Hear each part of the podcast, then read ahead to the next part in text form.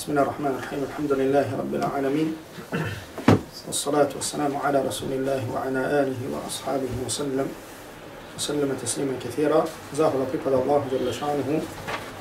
دنسنا صلوات السلام وقسنا الله وقسميك محمد صلى الله عليه وسلم. كاج أزي شني الله تبارك وتعالى. يا أيها الذين آمنوا اتقوا الله حق تقاته. ولا تموتن إلا وأنتم مسلمون. كوي vjerujete bojite se Allaha istinskom bogobojaznošću i nemojte trenirati osim kao pravi muslimani. Allah tabarak wa ta'ala molimo da nas učini od onih koji ga se boje istinskom bogobojaznošću od onih koji će umrijeti samo kao pravi muslimani. I molimo ga subhanahu wa ta'ala da ga sretnemo, a da on sa nama bude zadovoljno. Za Allah tabarak wa ta'ala pomoć večeras ćemo nastaviti sa našim govorom koji smo počeli u prošlu subotu, a to je govor o hađu ili načinu kako obaviti hađ. E, pretpostavljam da je jedan broj vas e, u protekli nekoliko dana dosta slušao o propisima hađa, tako da mogu e, reći, znači kao prvo, pretpostavljam da možda žele da slušaju o nečem drugom. Međutim, inša Allah, hajr je da ponovimo ono što smo čuli, I druga stvar može biti šala nagrada za one do koji dođe ovaj snimak i koji ovo čuju i vidu i vide, a žele obaviti, žele obaviti hađ. Jer u prošlom i večerašnjem predavanju ću pokušati da rezimiram sve ono što smo spominjali uh, u prethodnim predavanjima vezano, vezano za hađ. Tako da Allah subhanahu wa ta'ala molim da vas nagradi za vaš sabor i za vaše slušanje. A inša Allah i ta'ala sljedeći put ćemo početi sa novom temom, odnosno nastaviti sa komentarom 40, 40 nebevi hadisa i kao što vam je poznato da smo u hadisu, u hadisu Džibrila. Da smo da u hadisu Džibrila. Ja ću večeras uh, upravo iz onog razloga koji sam spomenuo, a zato što smo imali predavanja i mislim da je neki bilo 12-13 predavanja komentar Bulugul Marama, samo poglavlja o hađu, tako da oni koji žele da više saznaju ovim pitanjima mogu da se vrate na pomenuto predavanje ili još bolje znači da se vrate na knjige. Tačnije, znači imamo e, veliku, odnosno da kažem lijepu i korisnu knjigu od šeha doktora Safeta Kuduzovića koja je vezana za propise, za propise hađa i umre, inša Allah, da je dovoljno e, ono što je spomenuto, ono što je spomenuto tamo. Prošli put, Allah vam dao svako dobro, e, govorili smo, odnosno spomenuli smo koji su to uslovi, odnosno preduslovi obavljanja hađa i koji su to preduslovi e, obaveznosti hađa i preduslovi obavljanja hađa. I rekli smo, koliko se sjećam, šta znači razlika između te dvije vrste šartova. Znači, kada su pitanju šorutul buđub, znači to znači da čovjek postane obaviti, postane obavezan obaviti hađu. Međutim, to ne znači da može da obaviti hađ. Može biti određena stvar koja ga sprečava, kao na primjer šta, kao na primjer bolest. U tom slučaju čovjek ne može da ode. Ili amnut tarijak, znači sigurnost na putu. Znači, rekli smo da u tom slučaju islamski učenjaci kažu da je obaveza čovjeka da šta? Da ostavi vasijet, da se posle njegove smrti, ukoliko on ne obavi za svog života hađ, da se obavi, da se obavi hađ. Zatim smo spomenuli šta znači azad wa rahila, znači mogućnost obavljanja hađa. Da to znači da čovjek ima svotu novca, odnosno i metka, koliko mu je potrebno da ode na hađ i da se vrati i da u tom vremenu ostavi svojoj, svojoj porodici.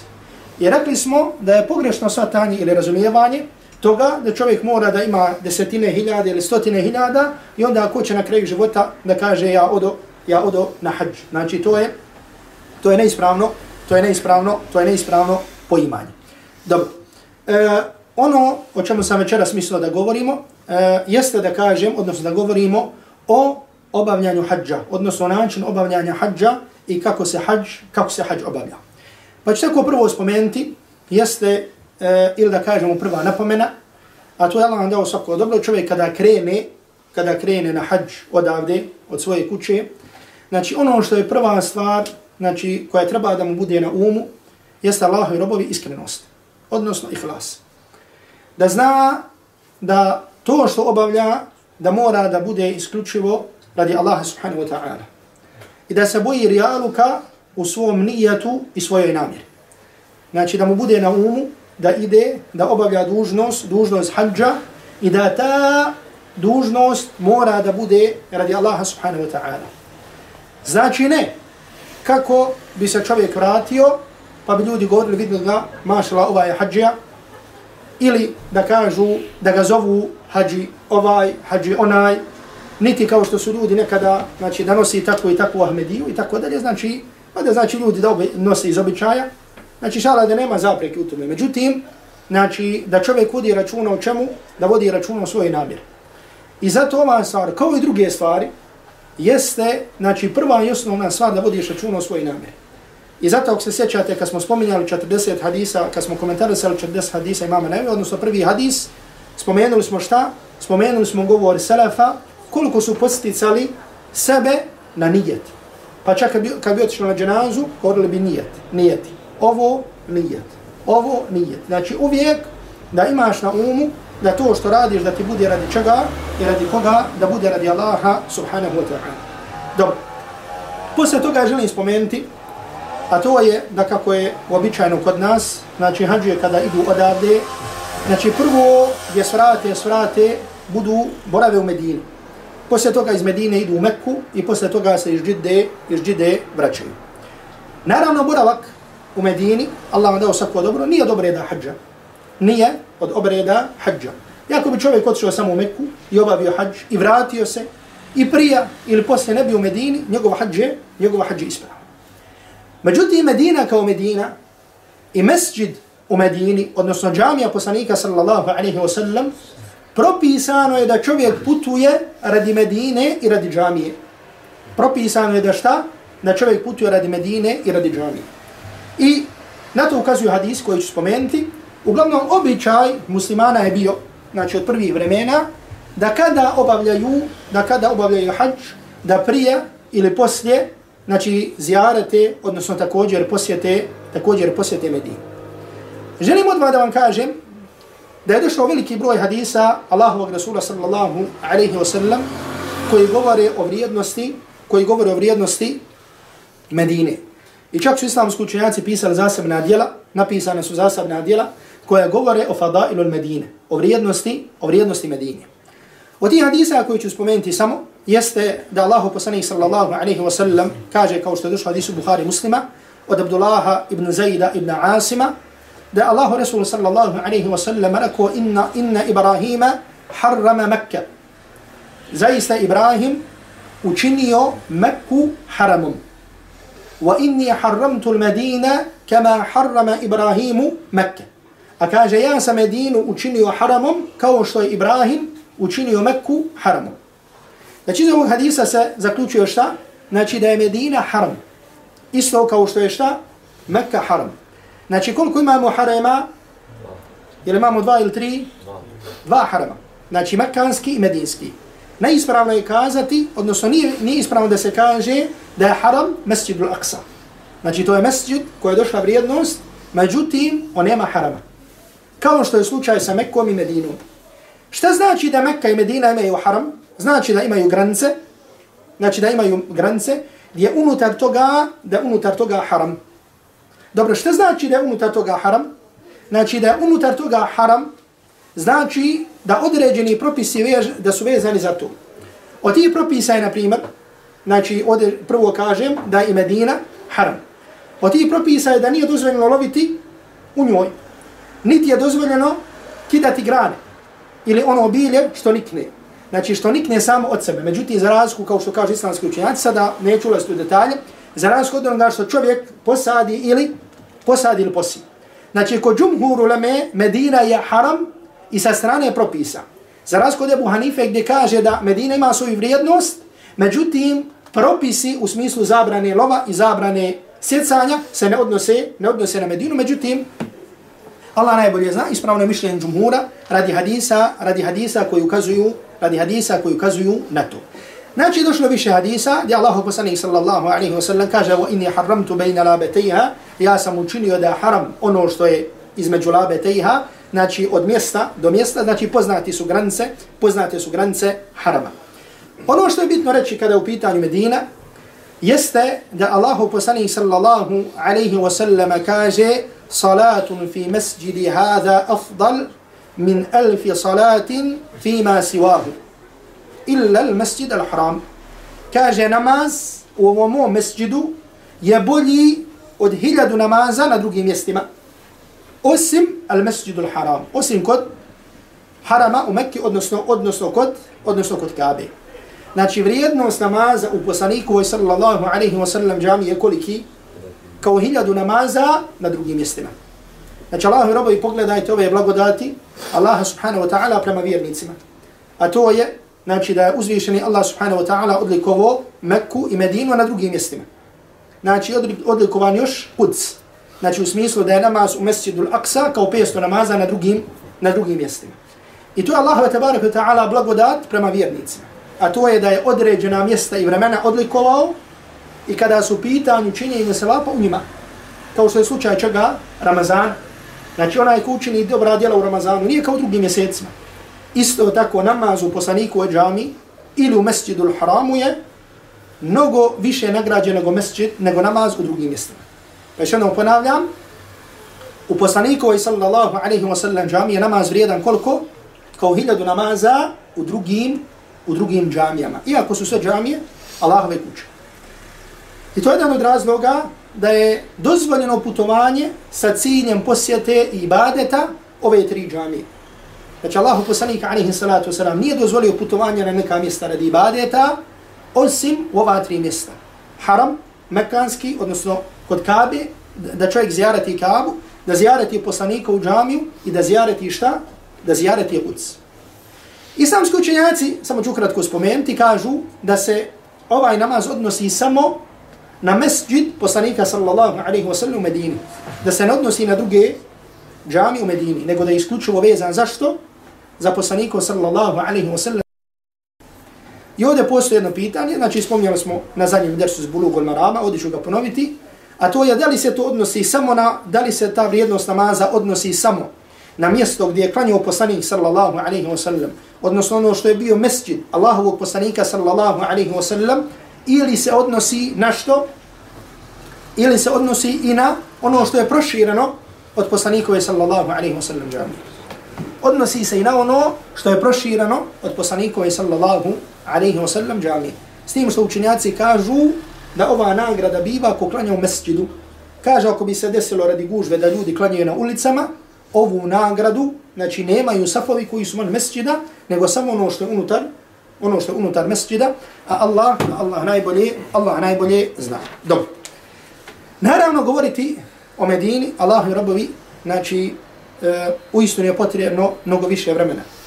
Da čovjek govori o gradu Allahovog Rasula sallallahu alaihi wa sallam, o gradu u koji e, e gdje je Allahu poslani u, u koji je Allahu poslani sallallahu alejhi ve sellem učinio hidžru o svim hadisima koji govore o vrijednosti Medine koji govore o vrijednosti znači zatim ajeti da je to mjesto gdje su objavljivani ajeti gdje su objavljivani propisi tako dalje znači u istinu iziskuje mnogo, mnogo više vremena od nas. Međutim, s obzirom da smo rekli i kazali da ovo ukratko, znači, za, znači zadovoljit ću se samo sa ovim stvarima ukratko. Zatim čovjek iz Medine kreće da obavi šta? Kreće da obavi hađ. Kada iz Medine kreneš, Allah ti dao svako dobro, E, da obaviš hađ, znači ne tako daleko od Medine, ćeš doći do nečega što se zove miqat. Miqat. Šta znači miqat ili mikat? Mikat je mjesto koje nije dozvoljeno da pređeš osim sa ihramima. Mikat je mjesto koje nije dozvoljeno da pređeš osim šta? Sa ihramima. I gledajte, nije, nije isto granca Mikata i granca Harama. Znači imate Kabu i mesčid oko Kabe. Jel u redu? To je mesčid oko Kabe. Zatim imate van toga, dalje od toga je granca Harama. A dalje od toga je Mikat. I zato ono što je unutar Mikata zove se kako? Al-Hil wal-Haram. Znači zove se ono što je dozvoljeno i ono što je haram. Znači gdje je granica unutar granica harama, to je haram, van granica harama, to se zove kako? Al-hil. Allahu Rasul sallallahu alaihi wa sallam u sunnetu je odredio mikate, odredio određena mjesta, odakle su ljudi dolazili u Mekku. Pa reko oni koji dolaze od pravca Medine, znači njihov mikat je Dhul Hulejfa. koji dolaze od pravca ovoga, njihov mikat je Džuhfe. koji dolaze od pravca Jemena, njihov mikat je jelemlem i tako dalje. Međutim, s obzirom da naše hađe idu odakle, od pravca Medine, znači danas u ovom vremenu, znači njihov mikat je Dhul Hulejfa. Znači, to je ne tako daleko od Medine i tu se nalazi džamija i tu je granica harama. I ovo je ujedno da znate najdalji mikat od Mekke. Najdalji. I zato ti dođe odmah na izlazu iz Medine, dođe ti, dođe ti ovaj mikat. Ovaj mikat ne smiješ da pređeš osim sa ihramima. Draga braćo, što znači ihram? Znači ihrami znači da čovjek skine sa sebe svu odjeću. Svu odjeću. Znači intimno rublje i da obuče na sebe ihrame. Koje ihrame? Šta znači ihrame? Da obuče dva komada običnog platna. Znači jedan dio znači sveže dole, znači kao znači otprilike ko što mi danas znamo, znači suknja, onaj, e, ljudi ne znaju, u stvari to se zove izar, međutim ljudi kod nas ne koriste, slabo znaju šta je izar, znači da svežeš, znači kad uzeo čašaf i svega zoga i onoga zamoto, kao što primjer nekad ljudi svežu peškir, međutim, međutim šire, znači da se potpuno pokrijave. I drugi dio koji, znači staviš gore, staviš gore na ramen. Znači to je, znači to je ihram, to su u stvari ihrami, što ljudi kod nas zovu ihrami. Znači, ihram znači da čovjek se potpuno skine i intimno rublje, naravno ovo muškarac, ne žene. Žena ostaju u svojoj odjeći. Znači muškarac da se potpuno skine, obuče i i zanijeti ulazak u ihrame. To jeste zanijeti ulazak znači, u obrede. Znači kada čovjek to obuče i zanijeti, on je postao šta? Osoba koja se zove muhrim. On je postao osoba koja se zove muhrim. E sad gledajte, pohvalno je prilikom oblačenja i hrama da čovjek kada skine odjeću, da se istušira i da se namiriše. Ne svoju odjeću, nego da namiriše tijelo i glavu prije nego što je, znači zanijeti ulazak u obrede. Prije nego što je zanijeti ulazak u obrede. I zato kada dođete kod ove džamije, znači tamo postoje kupaonce, znači postoji kupa, gdje svaki hađija ili onaj ko obavlja umru, znači može da uđe, skine svoju odjeću, presvuče se, obuče i hrane, znači tu se istušira, okupa se što je pohvalno, Poslije toga kada izađe, znači može da namiriše svoje tijelo, svoju bradu, svoju glavu ako želi, neće mirisati i hrane. Onda poslije toga zanijeti ulazak u obrede. Zanijeti ulazak u obrede. Kad je zanijeti ulazak u obrede, znači žena čisto urad s tim što ostaje u svoju odjeći. Znači ona će samo zanijetit i ona je ušla u obred.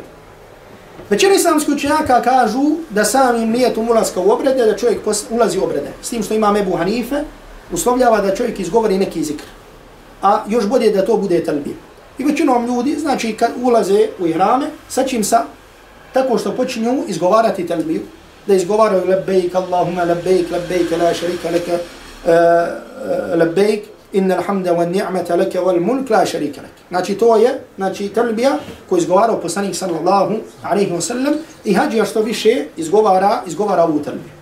Dobro, kada se čovjek obuku, naravno stalo još da je pohvalno, i to kod džumhur uleme, da čovjek klanja dva rekata. S tim što jedan broj uleme kaže da nisu propisana posebno dva rekata za ihrame, nego je poslanik alaihi salatu wasalam ulazio posle namaza. Međutim, džumhur uleme, i koliko mu se čini še bilbaz to odabire, znači da je pohvalno da čovjek posle ihrama klanja dva, klanja dva rekata. Dobro. Sada čovjek kad je ušao u ihrame, postoje određene stvari koje su čovjeku zabranjene znači koje su mu zabranjene da ih čini dok je šta? Dok je ihrama. Koje su to stvari? Ko zna se nabrojati? Znači zabranjeno da čovjek ima odnos sa ženom. Drugo zabranjeno je sve što je uvod ka odnosu. Znači poljubac, dodir sa strasti i tako dalje. Zatim zabranjeno da lovi, znači da lovi ili da pomogne nekome prilikom lovama, da je danas to, znači skoro, znači rijetka, veoma stvar. Zabranjeno je također da šta? Zabranjeno da koristi miris, da se namiriši. Zabranjeno je da šiša ili kida dlake. Zabranjeno je da kida, da kida nokte. Zabranjeno je šta još? Zabranjeno da pokrije glavu. Zabranjeno je šta? Hm? Zabranjeno se da, da se ženi, da stupa u brak, da bude također staratelj. Šta mu je još zabranjeno? Zabranjeno da oblači šivenu odjeću. Znači, šta se misli pod šivenom odjećom? Znači, odjeća koja je posebno šivena znači, znači sa strukom, sa rukavom i tako dalje.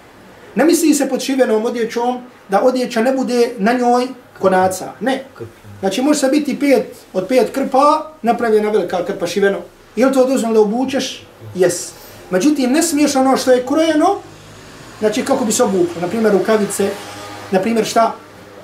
Naprimjer, nešto što ima rukav, nešto što je poput prsluka, poput pantala, poput šorca i tako dalje. Znači, tije stvari čovjek ne smije, čovjek ne smije da, da oblače. I za svaku ovu stvar, ako čovjek učini prijestup, postoji određena šta? Znači, postoji određena, određena sankcija. Jel u redu? Znači, to se zovu mahduratul ihram. Znači, stvari koje su zabranjene da je čini čovjek dok je hram, a kako ćeš se iskupiti za koju stvar, došli su također, došli su također propise. Dobro. I sada čovjek reče, znači, ima li išta da radi prije nego što dođe do Mekke? Ima li šta? Čovjek izgovara telbiju, čovjek zikri, donosi salavat na poslanika sallallahu alaihi wa sallam i tako dalje. Znači izgovara telbiju. Znači što smo rekli. I došli su također hadisi o vrijednosti telbije i tako dalje. Međutim, znači sad ovdje i nećemo, nećemo spomenuti. Dobro. Sada dolazi da čovjek dođe u Mekku. I prvo što mu je pohvalno jeste da odma da ide da čini tavaf. Međutim, ako bi čovjek ostao dan, ostao dva, nije učinio tavaf, ostao i hrama, nema nikakve zaprike, međutim, sunnet je da čovjek odmah ide da čini tavaf. E sad gledajte, opet radi kratkoće, pojasnit ću vam da imaju tri vrste hađa. Jedan je hađ koji, tri vrste ili način obavljanja hađa. Jedna vrsta hađa se zove kako? Ifrad. Hajde počnemo sa ifrad. Znači to je da zanijetiš obrede samo hađa. Druga vrsta je qiran. Znači da ćeš obaviti hađ i umru zajedno. Od kad se obuko i hrame, dokad šta? Ne skineš i hrame. I treća vrsta, i to je na koju obavljaju naše hađe odavde, i zato ću samo o njoj govoriti o, o propisima nje, a to je vrsta koja se zove temetu. Temetu, temetu. Šta to znači? To znači da čovjek, zapamtite, dođe u Mekku i obavi umru. I skine i hrame. Znači obuče, vrati se, normalno obuče odjeću. Znači, nijedna mu stvar nije zabranjena. Mislim, od dozvoljeni stvari. Znači, može i da ima odnos sa ženom, ako je sa ženom, može da se miriše, može da se šiša, može da kida nokte i tako da. Jel u redu? Dobro. Znači, i zato sada kada dolazimo u Meku, prvo ćemo obaviti šta? Obavit ćemo umru. Šta ćemo učiniti? Došli smo i došli smo šta? Hop, idemo odmah direktno, znači prema haramu. Ušli smo u haram i prvo sa čim ćemo početi jeste sa obavljanjem tavafa. Znači ovaj tavaf je tavaf za umru. Zapamtite, umra sad, sastoji se, znači lahko, da obučeš ihrame, već si obuko, da obaviš tavaf, da obaviš sa'aj između safe i merve i da obriješ glavu ili skratiš i gotovo. završio se umro. Znači ako nema guže, umra se može obaviti za sat, dva, tri, znači za sat možda, ako je, ako je manja, ako je manja guža. Dobro, sad zapamti, sad si došlo, ušao si u haram i šta ćeš učiniti? Sedam puta ćeš tavafiti oko kabe. Možda nekom odmah, odmah sad kaže čovjek u sebi, oj kad ću otići na hađu. Znači zašto slušam ove propise. Međutim, ako ništa, možda ovo postakne čovjeka, znači da ode i da dobi Allahu subhanahu wa ta'ala, da ode i da mu lokša odlazak na hađu. Kada dođe, prvo što ćeš raditi jeste da ćeš tavafiti sedam puta oko kabe. Znači oko kabe se tavafi koliko? Znači počinješ od hađaru esveda, znači kaba ima četiri, četiri čoška. Znači ima čošak i to je vidljivo, znači očito jasno svakome kuđe, gdje je hađaru esved i to se zove, znači hađaru esved. Kad ideš samo, znači da ti bude, znači moraš tavaf da ti kaba bude sa lijeve strane. Sljedeći čošak koji dođe, znači on se zove Iraki, neki kažu Šami. Sljedeći je Šami. Međutim, ta dva, znači nisu od izvorne kabe, jel tako? Zato što je kaba bila još duža ili šira. Nikakav propis nije vezan za ova dva čoška. Sljedeći čošak koji ti dođe, to jeste prije Hađaru Asvada, zove se Rukn al-Jemani. Znači, zapamati, ima Hađaru Asvad i prije njega ima Rukn Jemani, jemenski čošak i Hađaru Asvad. Dobro, kad si počeo tavafiti oko Kabe, obratite pažnju, moraš da tavafiš sedam puta. Jel u redu? Dobro, spomenut ću ukratko neke propise vezano za tavaf. Kad počneš tavafiti, prestaješ sa izgovaranjem talbije. Znači, lebejk, Allahume lebejk, sada ne učiš. Znači, taj zikr se ne uči prilikom tavafa oko kabe, niti prilikom saja. Znači, činiš druge zikrove, doviš, zikriš, međutim, nije sunnet da izgovaraš talbije. To je prva stvar. Druga stvar, počinješ od hađarul esveda. I ako bi se desilo da čovjek učin, počne negdje prije hađarul esveda, sve ono do hađarul esveda mu se neće računati. Računamo se od kad počne od hađarul esveda. Jel u redu? Ako mogneš da dođeš i da poljubiš hađarul esved, poljubi ga. I prije svakog kruga, ako mogneš da ga poljubiš, poljubi ga. Međutim, danas je to skoro, znači, vama, vama, vama teško. I zato je najbolje ako čovjek može da poljubi hađarul esved, da ga poljubi. Ako ne može da poljubi hađarul esved, onda da ga dotakne sa nečim, na primjer dotakne ga rukom, dotakne ga štapom, dotakne ga svojom odjećom. I onda to sa čim je dotako da to poljubi. Znači to je drugi, drugi stepen. I na to ukazuju hadisi, ovdje samo govorim ukratko. Treći stepen, odnosno treća stvar, ako ne možeš ni to, da samo pokažeš rukom prema, prema hađaru nesvedu. I to ćeš činiti svaki put kada šta? Znači to ćeš činiti svaki put kada budeš činio, budeš činio tavaf. Jel u redu? Ako možeš da poljubiš, poljubi. Ako ne možeš da poljubiš, dotakni sa nečim i to poljubi. Ili treća stvar, samo, samo išareti. Dobro. Sljedeća stvar koja je vezana za tavaf jeste da tvoji ihrami prilikom tavafa će biti kako ćeš ih obući. Obućeš ih tako što će ti desno rame biti otkriveno. Obratite pažnje. Ovo je jedna stvar gdje veliki broj hađija griješi. Znači samo prilikom ovog početnog prvog tavafa, znači tvoje rame će biti šta? Otkriveno. Otkriješ desno rame. I to prilikom tavafa. Kad počneš tavaf, otkriješ ga. Kad završiš sa sedam tavafa, pokriješ, pokriješ rame. Jel u redu? I zato što vidite ljude u haramu, van harama da idu sa od, znači to je, to je pogrešno. Sunnet je da se rame otkrije samo prilikom prvog, prvog tavafa kada obavljaš obred. Čak onaj sljedeći tavaf koji će ti doći, nećeš otkrivati rame. Samo prvi tavaf. I također pohvalno ti je da šta? Da prilikom tog tavafa prva tri kruga ideš malo šta? Ideš malo brže. Znači to kažu da ideš malo brže, znači da ti koraci budu manji, znači isto kod da šta? Kod da trčkaraš. Znači to je pohvalno prilikom prvog, prilikom prvog tavafa. Svaki tavaf kada počne, ako možeš da dotakneš, šta ti sa smiješno malo? Ako mogneš da poljubiš, poljubi, ako možeš da dotakneš, dotakni, ako ne možeš ni to samo išareti, to je šta? To je sunnet. Dobro. Kad si završio sedam puta, poslije toga ćeš šta? klanjati dva rekata kod Mekam Ibrahima.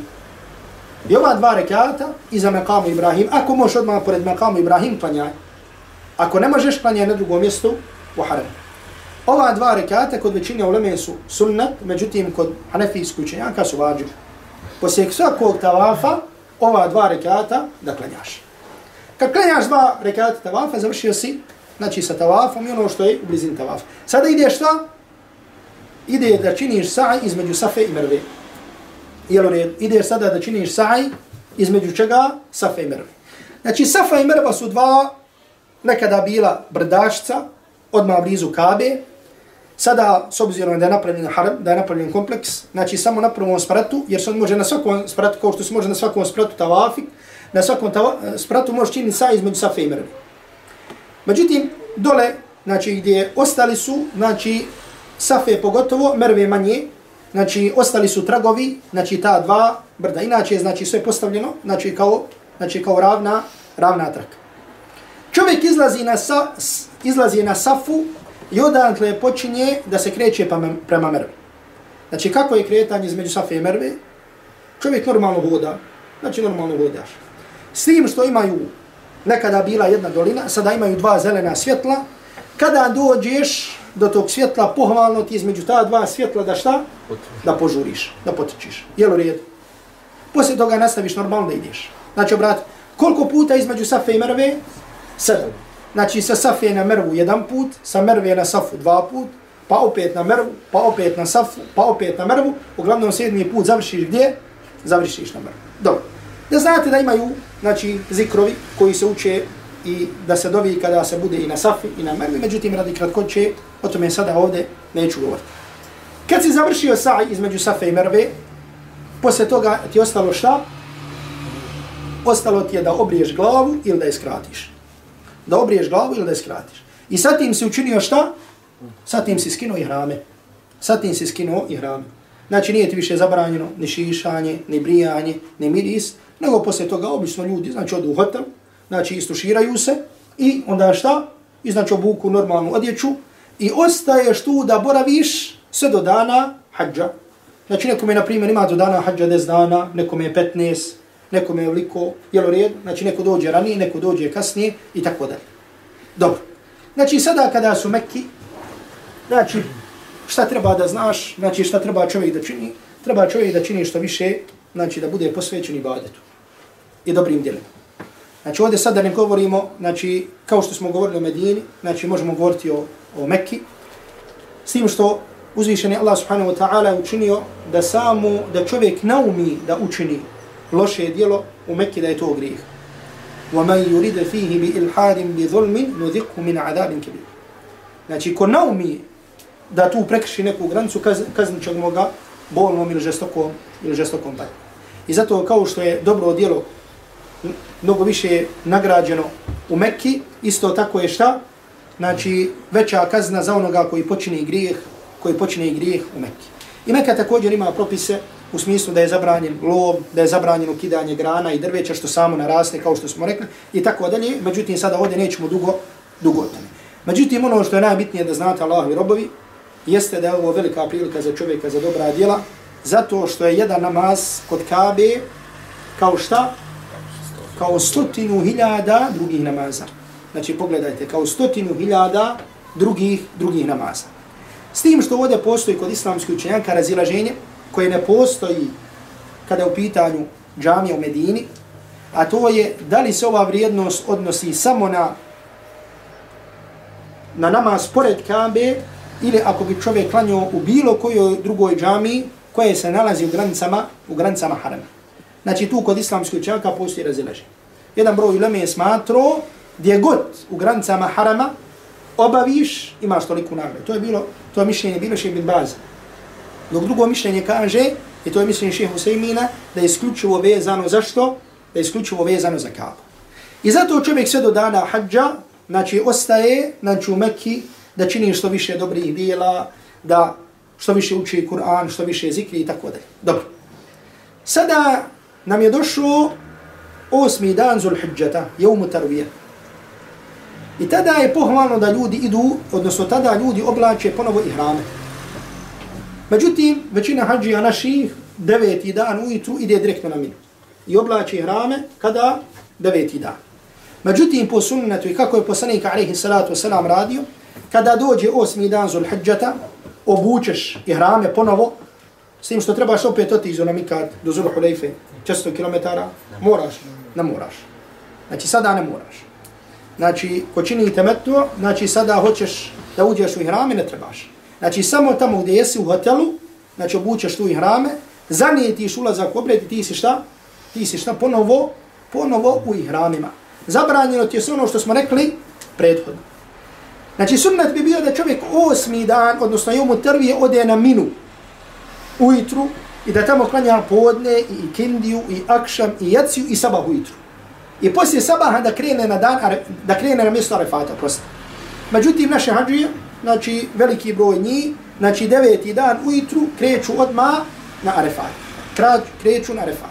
Ovaj boravak na mini osmi dan, on je šta? Sunnet, on je vađu. On je šta? On je sunnet. I zato ako čovjek izostavi taj boravak na mini, znači ispravno je, u stvari ispravno je hađ, ostavio samo ono što je bolje, odnosno ostavio sunnet. Deveti dan ljudi borave na Arefatu. I obrate pa Arefat, ko zakasni na njega ili koga maši, znači mašio ga hađ. Ne može učiniti ništa da taj hađ nadoknadi. Znači ne može učiniti znači da zakolje kurban, znači kako bi skupio se, zato što nije boravio, šta? Na arefatu. Znači, al hađu arafa, kao što je došlo hadis poslanika, alaihi salatu wasalam, da kaže, hađ je arefat. El hađu arafa. Znači, koga maši hađ, koga maši arefat, mašio ga je šta? Mašio ga hađ. Dobro. Ljudi obično dođu na Arefat prije podne. ili pohvalno je da dođe prije podne namaza na Arefat. I ona hutba, znači, koju slušamo sa Arefate u to vrijeme. I poslije toga se klanja podne i kindija spojeno i skraćeno. Znači, klanja se podne i kindija kako? Spojeno i kraćeno. Znači, čak i kod imama Ebu Hanife koji inače ne spaja. Međutim, na Arefatu se spaja. Klanja se podne i kindija spojeno i onda čovjek sve do zalaska sunca ostaje na Arefatu da se posveti ibadetu. Znači, zikru, dovi i tako dalje. I zato Lama kaže da je to od mudrosti, znači spajanja ova dva namaza. Pa čak kažu, i onaj koji nije musafir, koji blizu tu živi, da će spojiti. Zašto? Zato što je to sastavni dio obreda, kao što kaže veliki broj islamskih učenjaka. I zato ti ostaje, znači, do akšama, da doviš, da zikriš, znači, da se posvetiš ibadetu, kao što se nikada do, do tada nisi, kao što se nikada do tada nisi posvetio. I zato znači o vrijednosti dana refata je došlo toliko predaja, znači govora selefa, hadisa poslanika alejhi salatu vesselam i tako dalje i tako dalje, znači što ovdje sada nećemo spomenuti. Kada kada zađe sunce, znači taj dan, deveti dan, ljudi idu gdje? Ljudi idu prema Muzdalifi. Ljudi idu prema mjestu koje zove Muzdalifi. I hoće li na refatu klanjati akšam jeciju? Neće. Nego akša mjeci uklanjuju gdje? Uklanjuju na muzdalifi. Znači odakle idu na muzdalifu i kod većine učenjaka je obavezno da noće na muzdalifi. S tim što je kod Hanefija sunnet. Znači kod imame Ebu Hanife noćenje na muzdalifi je šta? Je sunnet. Međutim, Boži poslanik je sa refatu otišao na muzdalifu, tu uklanju akša i ostao sve do sabaha. Jel u redu? Klanja se sabah na muzdalifi u prvom vremenu gdje je pohvalno da se ostane sve do prije izlaska sunca. Jel u redu? I prije nego što sunce izađe, ljudi ljudi kreću prema če? Prema šta? Prema minu. Jel u redu? Kada dođu na minu, znači, to su, da kažemo, posljednji dani oba od obreda. Na mini ljudi borave koliko? Koliko borave na mini? Tri ili četiri dana. I zato ovo sad dobro ovaj dio sluša. Znači, ovo sad je prvi dan, koji dan? Dan Bajrama. Jel u redu? Prvi dan je dan šta? Dan Bajrama. Na dan Bajrama, kad su krenuli sa Muzdalife posle sabaha, dolaze na minu. I prvo što je sunnet na mini da rade, jeste da bacaju kamenčiće. I kamenčići se tu bacaju samo na jednom džamratu. Znači imaju tri mjesta za bacanje kamenčića, Međutim, taj dan se baca i samo na jedno, a to je na džemaratul aqabe. Znači dođu tu i bace sedam, bace sedam kamenčića. Kada bace kamenčiće, šta onda čine? Onda bi trebalo da kolju, kolju, kolju kurban.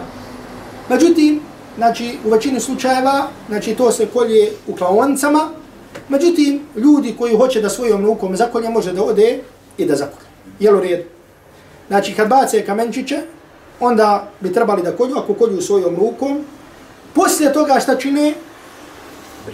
Poslije toga briju opet glavu ili šišaju. Međutim, šta će biti ako nekome nije nikla kosa od onoga, od one umre? Ako je obrio i nije mu nikla kosa, treba da opet pređe. I zato je ovdje pohvalno ako činiš temetno, da ono prvo bude kraćenje kose, a ne brijanje. Jel u redu? Kako bi imao šta da obriješ, znači kad budeš obavljio, obavljio hađ. I tada čovjek šta? Brije ili šiša. I kada čovjek obrije ili ošiša glavu, u tom slučaju mu postaje dozvoljeno sve. Znači u smislu skidanja hrama. Osim odnosa sa ženama. Osim odnosa sa ženom. Znači to se zove prvo skidanje hrama ili malo skidanje hrama. Znači može da čini sve, osim čega, osim odnosa sa ženom, ako je normalno žena tu. Dobro. Poslije toga ide u Mekku i čini tavaf. I taj tavaf se zove kako? Glavni tavaf. Tavaf ili fada. Poslije čega opet čini sa'j između Safe i Merve. Kada učini tavaf i sa'j, tada čovjek, odnosno hađija, može da ima i čak odnos sa ženom. Jel mu red? Jel u red? Dobro. Međutim, sad pitanje ovdje jedno. Ove stvari, a to je da hađija baci kamenčiće, da zakolje kurban, da obrije glavu, da tavafi. Je li obaveza da se čovjek drži ovog redoslijeda? Nije. Bilo koju od ovih stvari, mišljenje većine islamskih učenjaka, i ono na što ukazuje sunnet poslanika, alihi salatu wasalam, bilo koju od ovih stvari da učiniš prije, da učiniš poslije, znači nema nikakve zapreke. Na osnovu dužeg hadisa, od Abdullah ibn Amra el-Asa, da je Boži poslanik alaihi salatu wasalam tog dana bi upitan, kaže Allah poslaniće, ja sam učinio ovo prije ovog.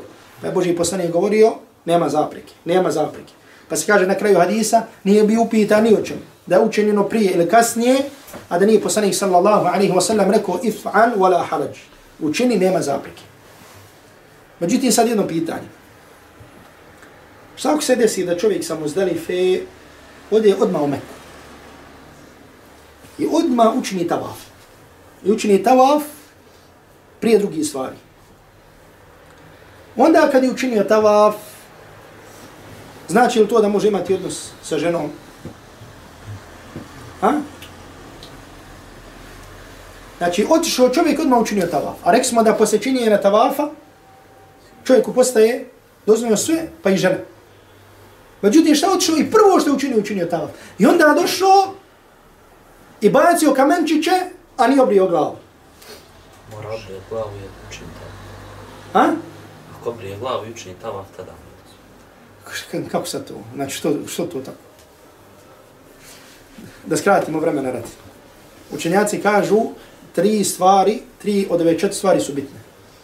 To je bacanje kamenčića, zapam prvo. Bacanje kamenčića, u stvari ako ga ne znaš, ako ga, prepostavljam da ga znaš. Bacanje kamenčića, brijanje glave i tavaf ako čovjek uradi dvije stvari od ove tri stvari, znači postane mu dozvoljeno sve osim žena. Kad uradi treću, postane mu dozvoljeno žena. Jel u redu? Znači ako bi značilo da učini tavaf, pa da onda da ode da šta, obrije glavu, dozvoljeno je sve osim šta, kada baci džemrata, tek onda može da ima odnosno žena. Jel u redu? Znači ako uradi dvije stvari od ove tri stvari, znači to se smatra prvi, odnosno mali tahallul, malo skidanje, ihrama. Dobro. Sa tim stvarima, sa bacanjem kamenčića na džemratul akabe, na samonom jednome, sa brijanjem glave, sa klanjem kurbana i sa glavnim tavafom, čovjek je završio obrede prvog dana. Međutim, kad bude ovaj prvi put tavafio, kad bude činio tavaful i fada, hoće li otkriti rame? Hoće li, hoće li, hoće li e, žuriti? Neće. Znači, to neće učiniti. Znači, došlo je, do, e, do, došlo je hadis, mislim, od Enesa. Stvar, mislim da nije od Enesa, ne mogu sad da se setim.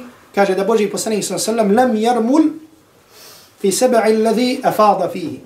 Znači, da nije činio sedam, da, da, da, da, da nije ubrzano hodo u oni sedam, znači, kada je, kada je bilo tawafu, kada je bilo tawafu ili fada. Dobro. Šta mu je ostalo još od obreda hađa? Ovo je bio prvi dan Bajrama. Sad imaju još tri dana.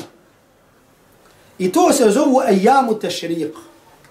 Znači to je koji 11. 12. i 13. dan Zulhidžeta. Jel tako? Znači ljudi kod nas sad kažu koliko traje kurbanski bajram? Četiri dana. Dobro, oni prvi dan se zove jumu Nahar. To je baš ono da kažemo bajram. Ova tri dana su šta? Ajamu tešriq. Znači ostalo mu još tri, ostalo mu još tri dana obreda. Ova tri dana obreda čovjek ima koji posao? Da boravi na mini i da baca kamenčića. Ništa mimo toga nema. Znači da baca kamen. Međutim sad nije bacanje samo na jednom džemratu. Sada imaju tri džemrata gdje čovjek mora da baci. Na svakom sedam, na drugom sedam, na trećem sedam. Jel u redu? Međutim, da odmah kaže na početku. Ako čovjek ode sa mine drugi dan od ovih ajamu tešrika, to jeste 12. dana Zulhidžeta. Ako odješ prije mine, sa mine prije akšama, nisi obavezan onaj treći dan da ostaneš na mini, niti da bacaš kamenić. Znači možda ostaneš na mini samo dva dana. Međutim, pod uslovom da odeš prije akšama. A kod Hanefija prije sabaha. Međutim, učenjaci kažu, ako čovjek ne bi, ako bi krenuo, međutim, ne mogne od guž, radi gužve, znači spolo je sa njega onaj treći dan. Tako da je ostalo na njemu samo šta? Da svaki dan baci na tri džemrata po sedam, sedam kamenčića. Da li je taj boravak na mini obavezan da noći po noći? kod džumhuru leme je obavezno da noći na mini, međutim kod učenjaka nafijskog mezaba nije, nije obavezno. Dobro. Šta je ostalo još čovjeku od obreda hađa? Ostalo ti je još oprosni tavaf. Što zove tavaf ul vida. I taj tavaf kod većine uleme je šta? Je vađen. Znači to znači, znači onog momenta kada tjedneš da oprostiš se od Mekke, da napustiš Mekku, da učiniš tavaf, odnosno sedam puta oko Kabe. I u tom slučaju, si da kažemo, završio sa obredima i vraćaš se, vraćaš se kući. Jel u redu? Dobro. Koliko je sati, koliko nam vremena još ostalo? 20 minuta, skoro. Dobro. Ima sad jedno pitanje. Dobro, ovdje smo govorili, znači da jedan broj učenjaka kaže da ovaj zadnji tavaf nije od obreda. Zašto? Zato što kaže ako čovjek naumi da boravi, da čovjek naumi da boravi, da ostane u Mekki, kaže nije obavezan da čini taj tavaf. I zato jedan broj ulema je rekao da kogod napušta Mekku da obavezan da učini ovaj tavaf. Međutim, džumhur ulema kaže da ovaj tavaf vađib i da je šta od obreda hađa i kogod napušta Meku, znači prilikom hađa, međutim ne prilikom umre, prilikom hađa da se obavlja ovaj tavaf. Sad jedno pitanje koje je veoma bitno. A to je, e, mada smo o tome također bilo govorili. Koliko je puta Allahu poslanih sallallahu alaihi wa sallam obavio hađ, a koliko puta umro? Ha? Ako da počnemo od umre, koliko je Boži poslanik puta obavio umre? Čenjaci kažu četiri puta. Da je Boži poslanik i'tabar, i'tamara arba marvat. Dobro. Četiri puta obavio umre. Koliko je puta Boži poslanik učinio hađ, obavio hađ? Jeste sigurni? Sto posto. Šta ako ja kažem da nije obavio jedno? Da nije. Da. Šta da nije obavio? Da nije obavio samo jedan put. Čim Da obavio više puta. čim se spominje oprosni, onda logički je da je već još jedan bio, ne bi ga dao, tako? Dobro, međutim, ima jedno drugo pitanje. Da li je Božji poslanik prije poslanstva obavio hađ ili prije hijđre? Znači, poslije hijđre i poslije poslanstva, I obavio Božji poslanik je obavio jedan. jedan hađ. To je koji je hađ? Oprosni hađ. Bio koje godine? Desete godine po hijđri. Znači, poslije hijđre jedan hađ i četiri umre. A koliko je puta Božji poslanik prije poslanstva, ili da kažemo prije hijđre i poslije poslanstva puta obavio hađ? Dobro, još jedno pitanje. Jesu li Arapi obavljali hađ? Jesu, ali koje godine je propisan hađ? Ne, ne, ne govorim sad o propisanosti. Govorim Arapi kao Arapi, mušnici Arapi. Jesu. Jesu obavljali hađ? Jesu li drugi poslanici obavljali hađ? Yes. Učenjaci kažu da su i drugi poslanici, znači obavljali hađ, međutim da im nije obavezan. Znači to jedno od pitanja koje spominje. Međutim, od vremena Ibrahima a.s. je hađ. I sve do, do vremena poslanika a.s. on bio nije presto. I mušrici Mekke su obavljali hađ. Zašto? Zato što su Arapi, Kurejšije, znači druge, znači na, na kojoj su bili vjeri? Na vjeri Ibrahima a.s. Međutim, namjerno te su stvari, šta? Izmijenili, dosta su obreda izmijenili. Dobro. I zato, spomenut ću vam samo, znači sad ovako, znači da znate da su Arapi i prije poslanstva poslanika Muhammeda sallallahu alaihi wa sallam obavljali hađ. Jedan broj uleme kaže da je njihov način obavljanja hađa bio dosta blizak današnjem načinu obavljanja hađa, osim određene stvari. Od tih stvari je bilo, na primjer, znači širk, riječi širka koji su dodali u talbiju. Oni su izgovarali talbiju, labejk Allahumma labejk, labbaik la šarika laka, labejk illa šarikun huwa lak, tamliku huwa ma melek. Kaže, ti nemaš sudruga, osim sudruga koji je tvoj sudrug, kojeg E, temliku vama wa malak. Ti si mu vlasnik i onoga čega on vlasnik. Tu telbiju su šta? Dodali širk. Znači, to je shodno na njihovom vjerovanju božanstva koji su vjerovali da je približu uzvišenom Allahu subhanahu wa ta'ala. Znači, to je bila jedna stvar. Druga stvar, da učenjaci kažu da su da je kako koje pleme imalo različite običaje. Pa kažu oni koji su bili iz Medine i blizine Medine, bi odlazili na obalu gdje su imali svoje božanstva i tako dalje i tako dalje. Također od tih načina obavljanja hađa je bio da Kurejšije nisu tijeli, tijele da stoje na Arefatu, nego umjesto Arefata stajali su na Muzdalifi. Kažu zato što je Muzdalifa u granicama Harama. I nisu tijeli da izlaze, nisu tijeli da izlaze na Arefat. Jel u redu?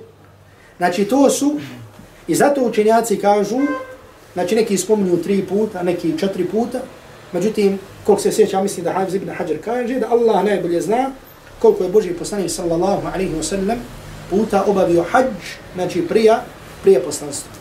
Ja također, ako se sjećate, znači u Siri, je došlo, znači da je poslanik alaihi salatu sallam pozivo, znači plemena prilikom hađa, prilikom dana hađa, da je pozivo islam. Pa također kažu da u tom vremenu obavljao, da u tom vremenu obavljao, obavljao hađ. Znači da znate da Allah poslanik alaihi salatu sallam, znači obavljao hađ i prija, da je obavljao hađ i prija, da je obavljao hađ i prija i prija poslanstva. Ovo su, znači da kažemo ukratko, uh, ukratko, znači način obavljanja hađa. Uh, koliko se sjećam, bio sam možda rekao u prošlom dersu, da, eh, rekao sam bio u prošlom dersu da ćemo tumačiti hadis Džabira, veliki i poznati, međutim, da kažem, promijenom sam mišljenje, jer bi nam to uzelo vremena, a braća su, veliki broj braća, da Allah, da je Allah subhanahu wa ta'ala nagradi, znači, E, skoro dvije sedmice, znači, slušao propisima hađa, pa sada još ne bi oduljili, E, znači, htio sam da spomenem, znači, na ovakav način, večeras ukratko da znate, znači, ili oni koji budu slušali, znači, i koji će ići na hađ, znači, otprilike način kako se, kako se obavlja, kako se obavlja hađ.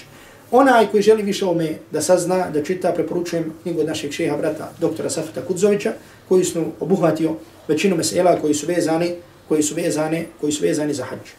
Allah subhanahu wa ta'ala molim da nam olakša, znači, dolazak do Mekke, dolazak do Medine, da nas učini od oni koji su iskreni u, u svom obavljanju ibadeta, da nas nagradi i da nam podari ihlas u svakom našem dijelu i u svakoj našoj riječi i da sretnemo Allah subhanahu wa ta'ala, a da vam sa nama bude zadovoljno.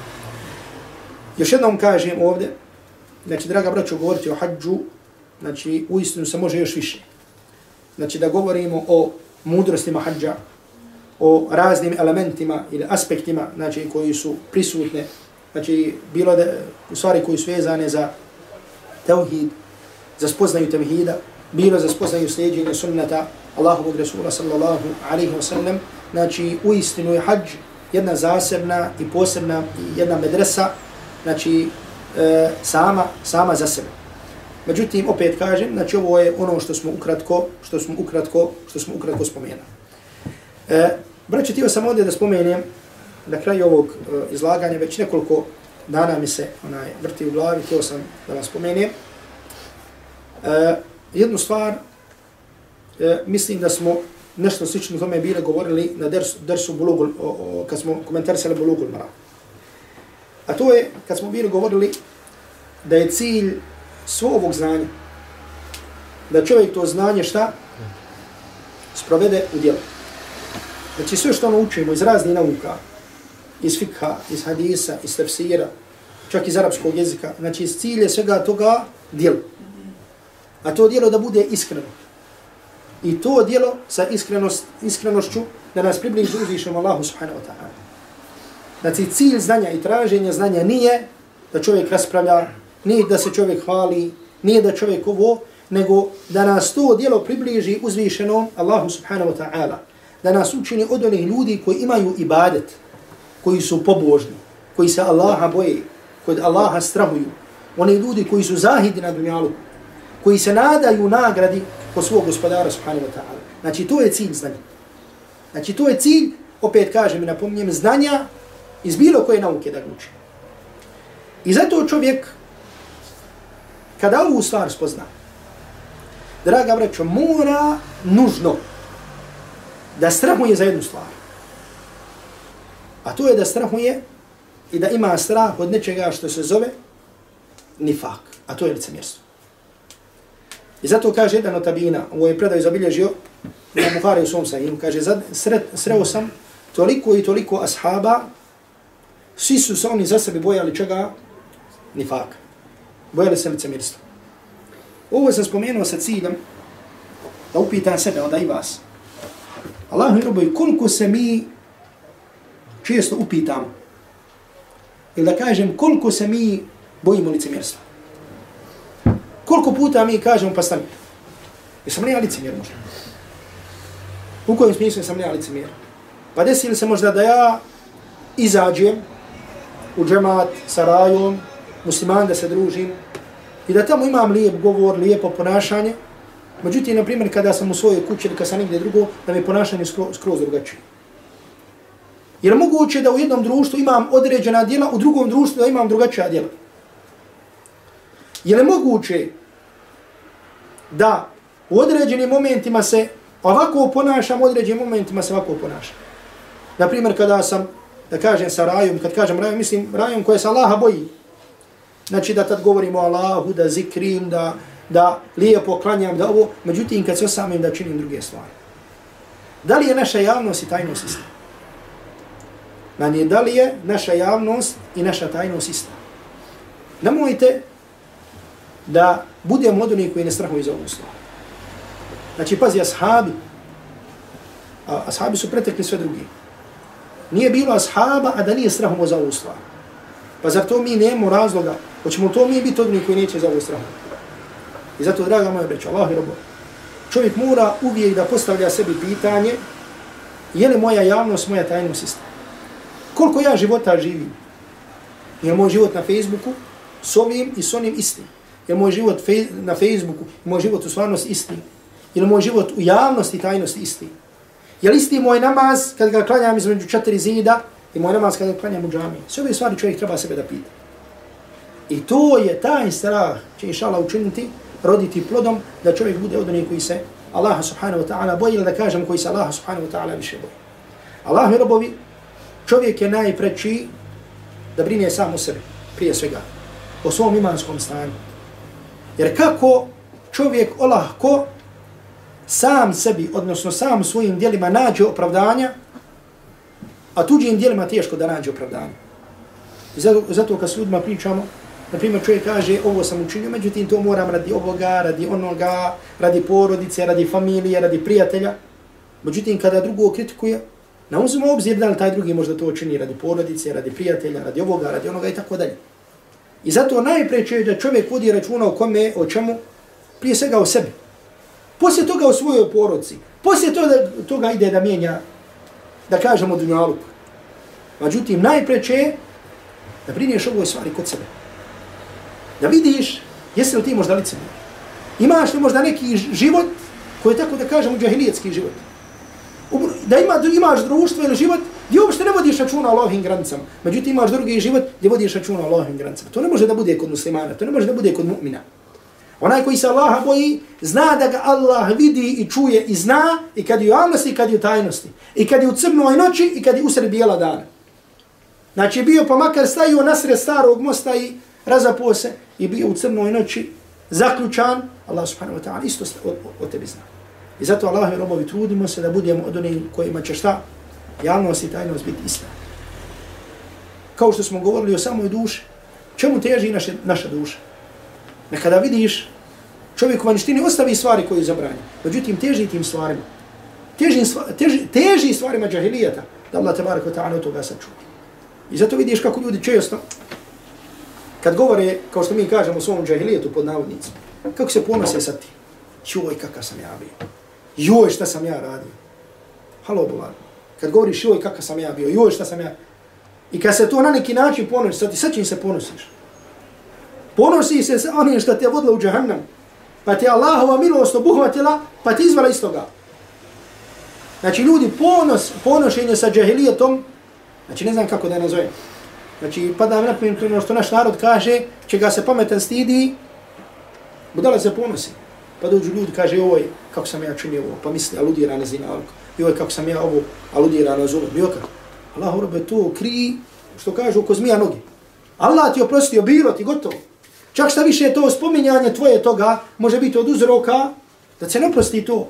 Kao što je došlo od Isu, da čovjek čini grije, pa mu Allah prašta, pa ono sve ne govori, počinio sam to i to. Znači, te se stvari ne spominju.